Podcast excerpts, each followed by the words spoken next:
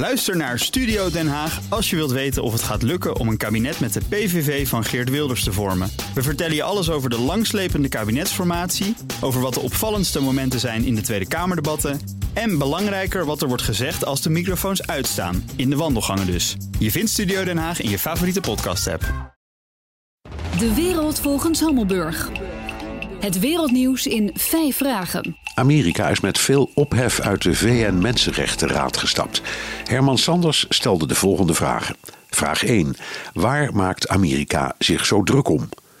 Er is een aanleiding en een oorzaak. Aanleiding is dat Israël en de Palestijnse gebieden als enige kwestie vast op de agenda staat.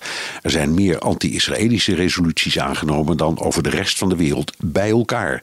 Dus meer dan Noord-Korea met zijn slaven, Syrië met zijn chemische wapens, Saoedi-Arabië met zijn openbare onthoofdingen.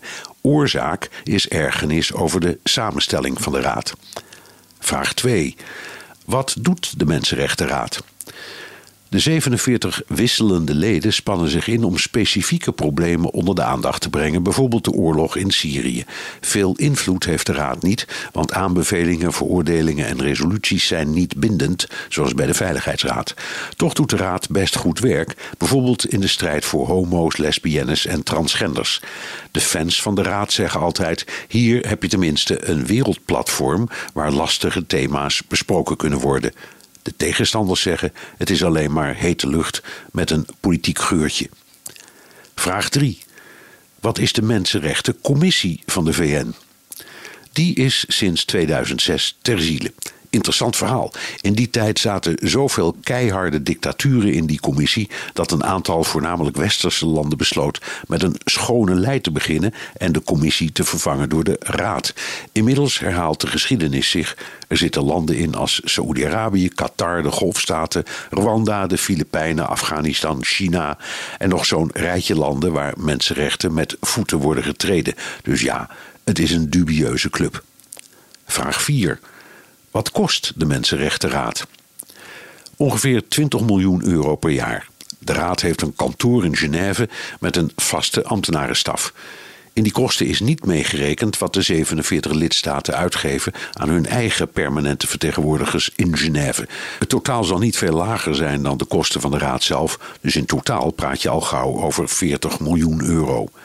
Vraag 5. Heeft Trump dus gelijk dat hij eruit is gestapt?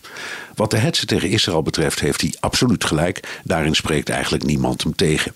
Maar andere landen vinden dat je beter lid kunt blijven van een omstreden organisatie om van binnenuit je punt te maken dan eruit te stappen en aan de zijlijn te staan.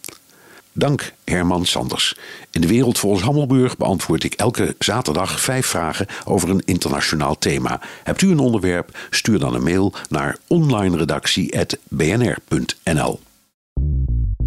Bij BNR ben je altijd als eerste op de hoogte van het laatste nieuws. Luister dagelijks live via internet. Bas van Werven. En heel langzaam komt de zon op rond dit tijdstip. Je krijgt inzicht in de dag die komt op BNR, het Binnenhof in Nederland en de rest van de wereld. De Ochtendspits. Voor de beste start van je werkdag. Blijf scherp en mis niets.